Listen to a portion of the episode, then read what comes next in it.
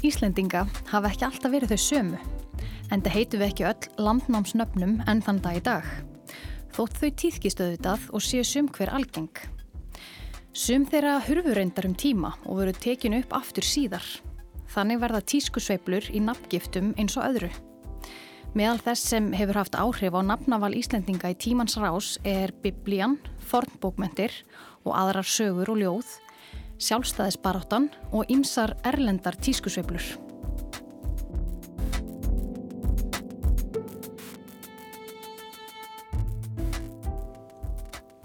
Þetta er orð af orði um mannanöfna á Íslandi og víðar. Við erum Guðrún Lindberg Guðjónsdóttir og Anna Sigriður Þráinsdóttir.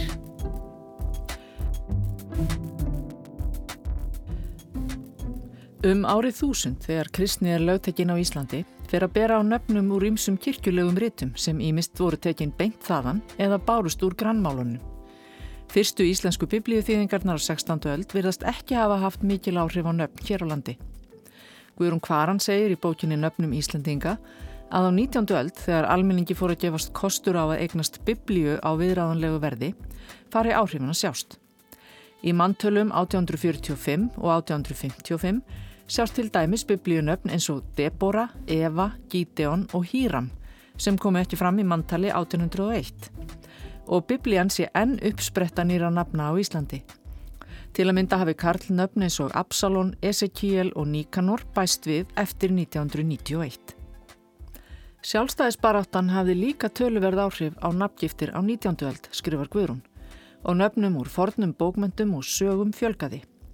Árið 1703 bar engin nafnið Ingólfur. En 1910 voruður orðnir 166. Flestir fættir eftir þjóðatíðar árið 1874 og líklega nefndir eftir landnámsmanninum Ingólfi Arnarsinni. Um svipaleiti fjölgar einnig þeim sem heita Gunnar eftir Gunnari á hlýðarenda, Ragnar eftir Ragnari Lóðbrók og Garðar, sennilega eftir Garðari Svafarsinni. Nöfnum úr norrætni goðafræði fjölgaði líka. Það hétt til dæmis engin Þór árið 1870 en í manntali frá 1910 voru þeir orðinu nýju og á árunum 1921 til 1950 var 725 drengjum gefið nafnið. Í dag er það eitt algengasta karlmannsnafn landsins, það er að segja, það er algengasta annað nafn drengja. Samtíma bókmyndir hafa einni haft áhrif. Sagan um Ísfólkið eftir hérna norsk-sænsku Margit Sandemó naut fádæma vinsælda á nýjunda áratögnum. Svo mikilla að Íslendingar gáfi börnum sínum nöfn sögupersona. Talið er að rekja megi vinsældir nafna á borðu Tristan, Sunna, Dagur, Líf, Silja og Þengill til sögunar um Ísfólkið. Nöfnin Alrún, Heikir, Kaleb, Viljar, Irja, Þula og Þúfa eru líka talin sótt þangað að sögn Guðrunar Kvaran í nöfnum Íslendinga.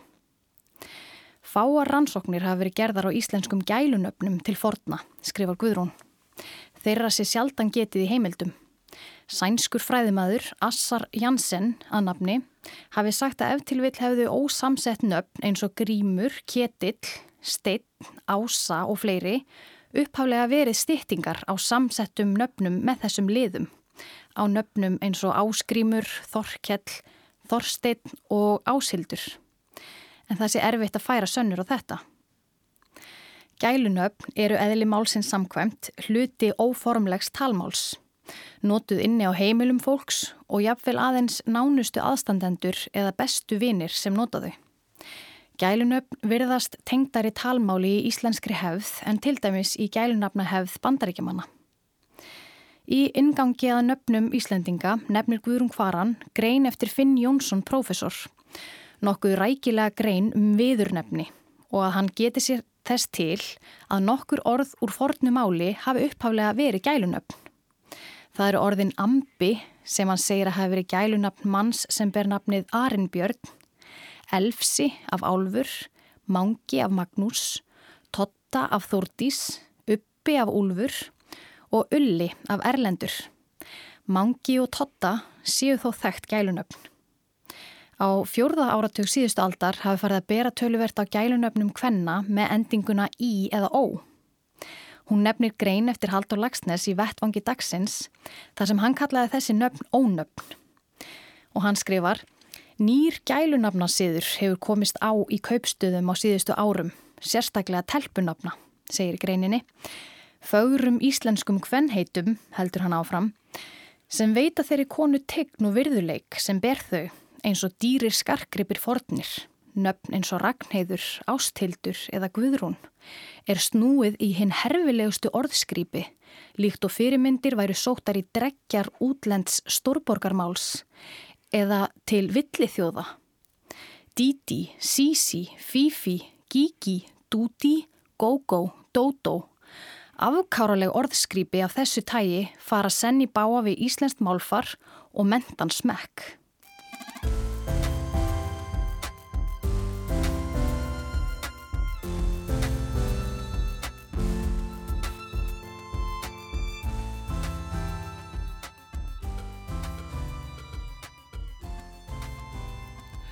Guðrún Kvaran segir í svari við spurningu um tvínefni á vísindavefnum að fyrstu heimildir um að fólk hafi gefið börnum sínum tvö nöfn hér á landi séu frá 1703 þar sem skráð voru sístkinin Axel Fridrik og Cecilia Kristín.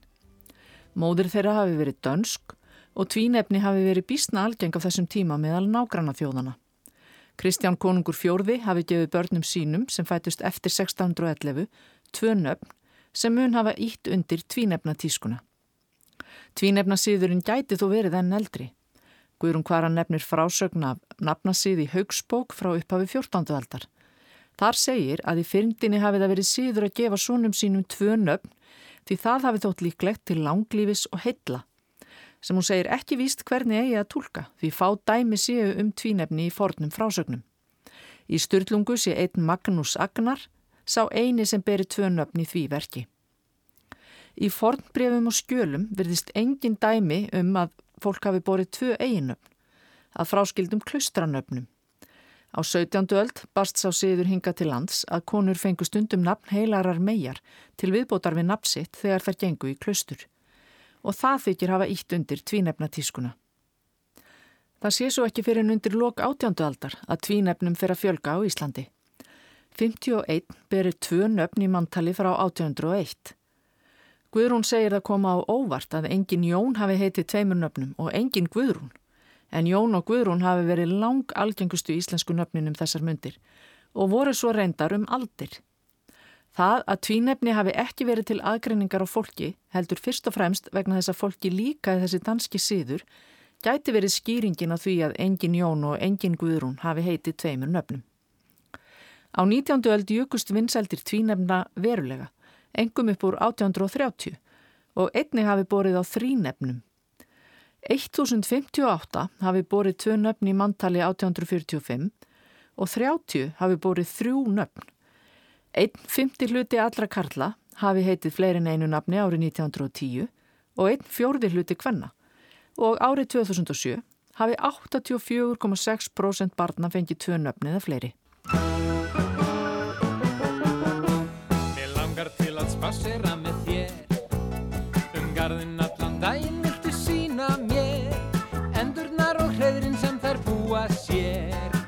Ég kem með brúsa af sénef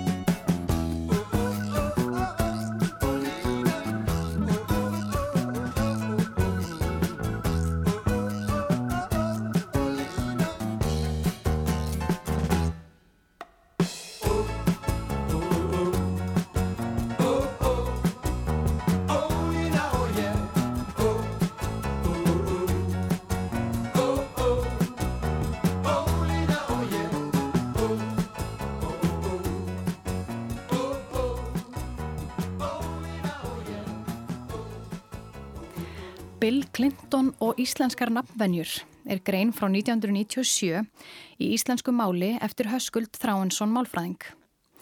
Hann skrifar að þau hjónin, hann og Sigriður Magnúsdóttir talmennafræðingur, fái stundum bref frá bandarískum kunningum með utanáskriftinni Sigga Magnúsdóttir eða Höski Þráinsson. Nöfn þeirra hjóna, Sigriður og Höskuldur geti vafist fyrir þeim sem ekki tala íslensku og stuttnefnin Sigga og Höski séu þægilegri fyrir marga.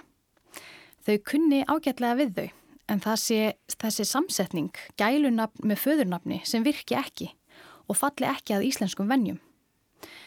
Höskuldur segist hugsa þegar bref með utanáskrift eins og Sigga Magnúsdóttir berast að það sé nú ekki nema von að bandarist fólk gerir þetta. Þegar forsetin heiti William Jefferson Clinton en kallist í daglegu tali Bill Clinton jafnvel við formleg tilefni. Höskuldur segir þetta dæmi um hvað bandarækjaman séu óformlegir og alþýðlegir og geti meira segja leift sér stuttnefni við formlegar aðstæður, en það geti Íslendingar ekki. Hann segir að það gengi aldrei að fórsetisráð þeirra kallaði sig Dabba ofinberlega eða að utanríkisráð þeirra kallaði sig Dóra. Fyrirverandi fórseti hafi aldrei nota viður nefnið Vigga á ofinberum vettvangi og sá núverandi kallið sig aldrei Óla. Þarna á hann við Davíð Ottsson sem var þá fórsetisráð þeirra, Haldur Áskrimsson, þáverandi utanríkisráð þeirra, Vigdísi Fimbóðdóttur fyrirverandi fórseta og þáverandi fórseta Ólaf Ragnar Grímsson. Þetta hefur lítið eða ekkert breyst frá því þessi grein byrtist seint á tíunda áratögnum. Fórsetisráð þeirra Íslands heitir Katrín Jakobsdóttir. Hún er stundum kölluð Kata og þá getur styttingin Jak á föðurnafni hennar fyllt með, Kata Jak. En hún er aldrei kölluð Kata Jakobsdóttir. Það er spurning hvort að hún er eitthvað tíman kölluð hefði gagstaða, Katrin Jak, með einafni sínu og styttu föðurnafni. En það er að minnstakosti mögulegt að það gangi en Kata Jakobsdóttir, stuttnefni með óstyttu föðurnafni, gengur varla. Slíkar samsetningar ganga klárlega með nöfnum þar sem engin og stuttnefni eru til eins og Bjarni en fjármálar á þeirra er í daglegu óformlegu tali oft nefndur Bjarni Ben. Í stað þess að segja fullum fetum Bjarni Benediktsson. En hvað gerist þegar eiginnöfnum er steift saman til að mynda stuttnefni? Innviðar á þeirra, Sigurður Ingi Jóhansson, er stundum kallaður syngi til stýttingar og líklega til gamans. Gengur föðurnafni þá með? Og ef svo er, væri það þá betra stitt?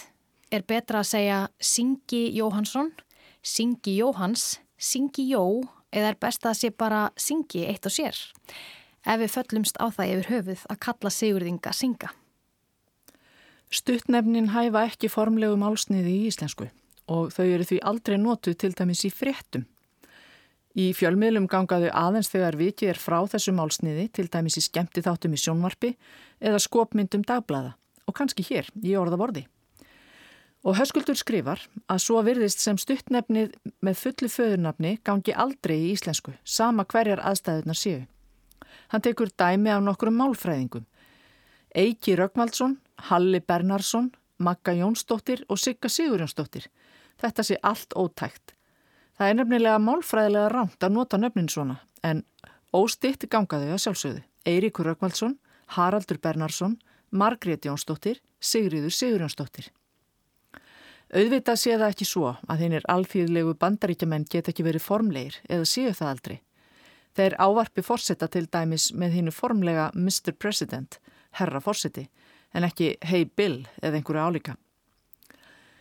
Það er ljóst að það er ákveðin munur að nótkunn íslenskra og enskra stuttnefna og hauskuldur spyr í greininni hvort einungi sé hægt að nota íslensk stuttnefni einu sér eins og Tóta, Varði, Stína og Steppi. Og svarið er nei.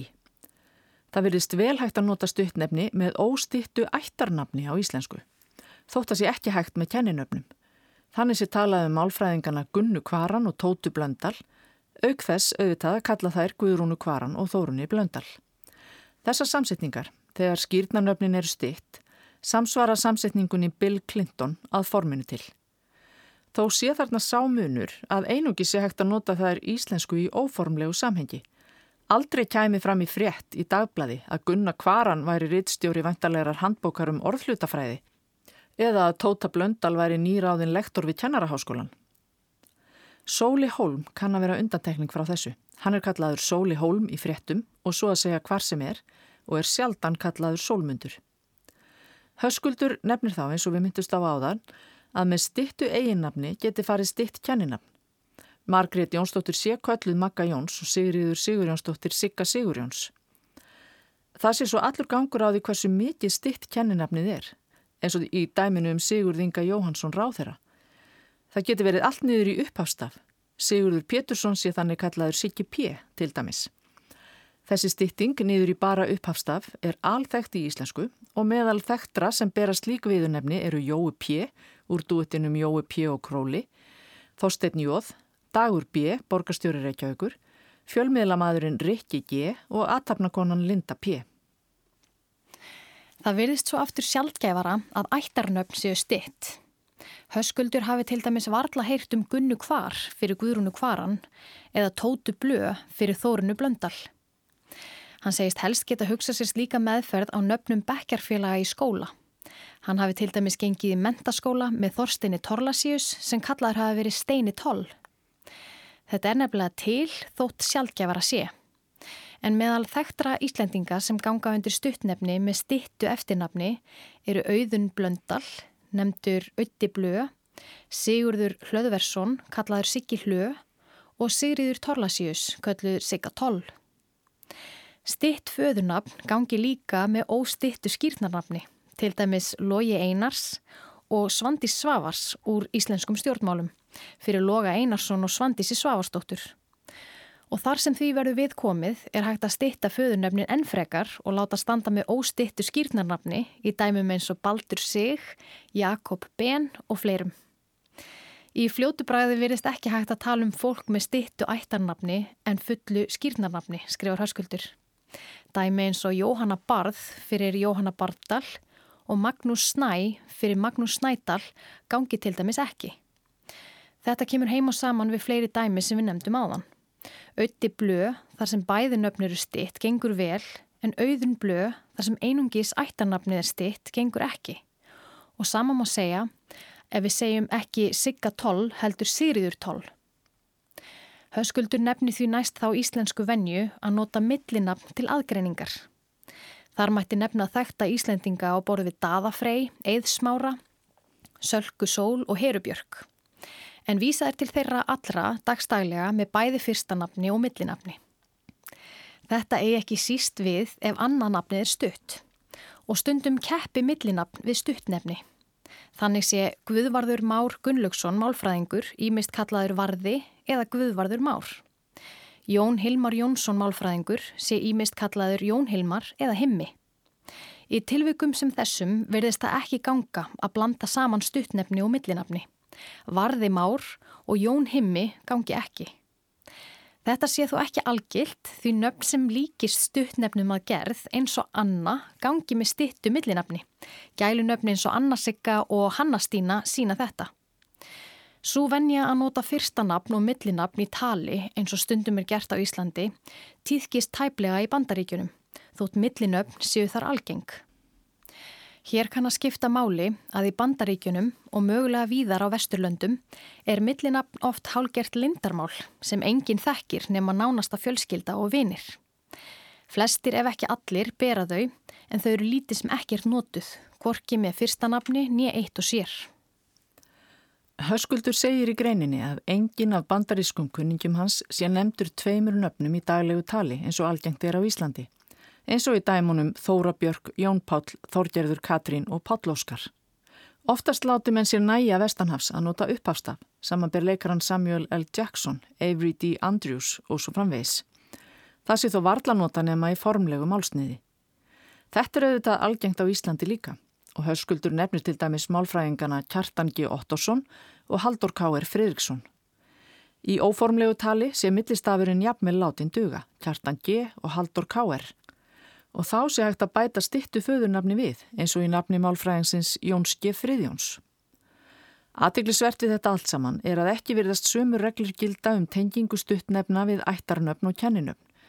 Því á íslensku ganga stuttnefni með óstittum ættarnöfnum en verðast ekki ganga með óstittum föðurnöfnum. Samanber að við getum sagt Tóta Blöndal en ekki Sigga Magnúsdóttir. Reglur um stuttnefni virðast bísna fastar og fyrir börnamáltöku skeiði er eflaust talsvert flókið að tilenga sér þær.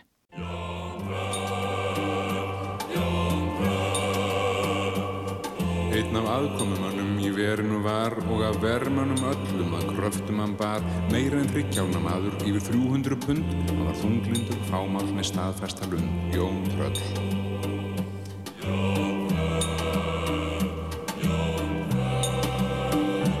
Jónki Tröll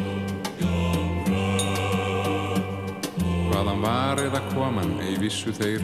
Hann væri að austan, svo sagðan í meir nefn hann hvaðst heita Jón. En karlarnir þar voru kersknir og fljótlegan uppnemdur var Jón Tröll. En flestum af honum stuggur stóð menn staðhæfðan væri af álva þjóð eða einn af þeim dændu af útlæðar braut þótt í umgengni styrður og heimskur sem naut Jón Tröll.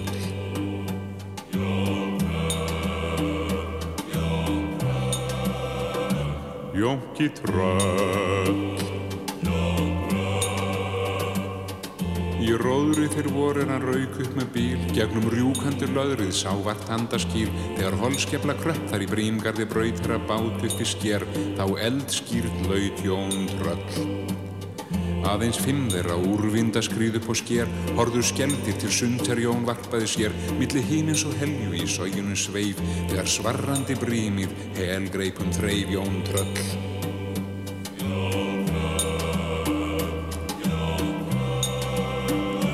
Jónki tröll eins og leiksopp í brímgarðsins beljandi hjálp honum bylti og ekkert gætt veitt honum hjálp nema forsjón sem loksins að landunum skaut þar sem léttabátt tók og rýri og braut Jón tröll Óflugabátinn að skérnu bar og um borð kom hann öllum en örmagna var.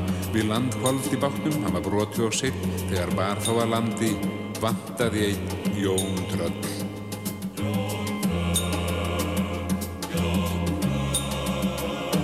Jónki tröll Þeir bautast einn reistu sem brím og flóð, brutu og gróðu en á honum stóð svo að þökk fyrir hetjunar gjöf. Þar hvílir út í votri gröf Jón Tröll. Jón Tröll, Jónki Tröll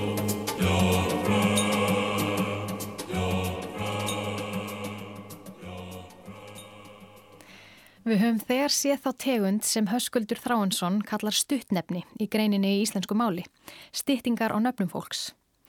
Sum gælunöfn sem eru myndu úr sérnöfnum eru þó engar styttingar, eins og nonni fyrir jón. Það er meðal margra gælunafna sem koma líklega úr barnamáli. Fleiri slík eru ditti fyrir sigurður og fleiri karlnöfn. Dittu fyrir sigurún, rúri fyrir guðrún, Mummi fyrir Guðmundur og Alli fyrir Aðalsteinn, Aksel og fleiri. Í gælunöfnum úr barnamáli er ymsum hljóðum oft skipt út fyrir önnur sem helgast af því hvaða hljóð börn geta og geta ekki borið fram þegar viðurnöfnin verða til. Sum þessara nafna kunna jafnvel að verða til þrepum eða stigum. Fyrst er Guðmundur kannski kallaður gummi og svo eignast hann yngra sískin sem getur fyrst um sinn ekki borið fram G og kallar hann því mumma.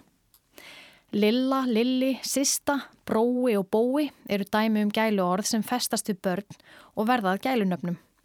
Barn eignast lítinn bróður og kallar hann Bróa eða Bóa því það getur ekki borið fram orði bróðir eða litla sistur og kallar hann að sistu.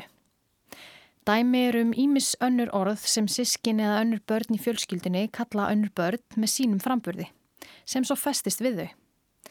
Þannig gæti svo sem er köllu deppa hafa verið köllu stelpa og sá sem er kallaður batti gæti hafa verið kallaður barnið. Gælunöfn eru ekki nýtt fyrirbæri, þau hafa tíðkast öldum saman. Guðrún Kvaran nefnir sem dæmi í orðum í íslenskri tungu frá 2005 að í forn íslenskum tekstum megi sjá að Ólafur Tryggvason Noregskonungur sem var uppi á árunum 968 til 1000 kalla sig Óla þegar hann vildi leina því hver hann væri. Talsverður hluti gælunafna sé leittur af eiginnöfnum eftir ákveðnum reglum sem eigi í leikilatriðum einni við um styttingar annara orða en mannanafna. Mörg nafnorð séu til að mynda saglitt, þar að segja leitt af veikum sögnum með svo kallari stífingu með því að fella burt A í bakstöðu, þannig verður kalla kall og skrifa verður skrif. Þá er styttingin lögga myndað af lögregla með því að fyrsta atkvæði er haldið en næsta samhljóðu eftir sérhljóðinu er lengt. Í þessu tilviki er geð sem sagt lengt á eftir öinu. Guðrún tekur einni orðið alki sem dæmi um styttingu. Það er mynda af orðinu alkoholisti með brottfalli frá öðru sérhljóði og e-endingu er bætt við. Og þá er þekkt að gælu orð séu mynduð með brottfalli eftir fyrsta atkvæði og viðbættu samhljóðs viðskeiti til dæmis stráksi af strákur. Á sama hátt og lögregla verður lögga verður Vilhjálmur Villi, Böðvar verður Bötti, Elín verður Ella og Sigriður Sigga. Gælunöfnin svo Leifi af Leifur, Óli af Ólafur og Eyfi af til dæmis Eyvindur eru myndu með sambærilegum hætti og alki er leitt af alkoholisti með styttingu og y. Á sama hátt getur Ólöf verið kölluð Óla nema þar er endingin A. Og þá eru gælunöfn stundum myndu með styttingu og samljóðaviðsketi, til dæmis grímsi af grímur á samahátt og stráksi er myndað af strákur. Eiki af eiríkur, salka af salgerður og valka af valgerður.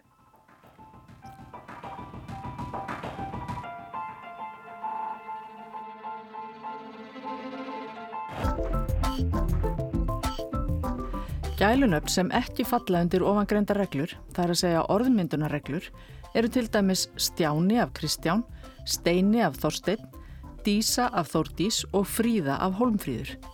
Í þeim er síðar hluti naps notaður í stittri mynd án þess að samhljóð sé lengt.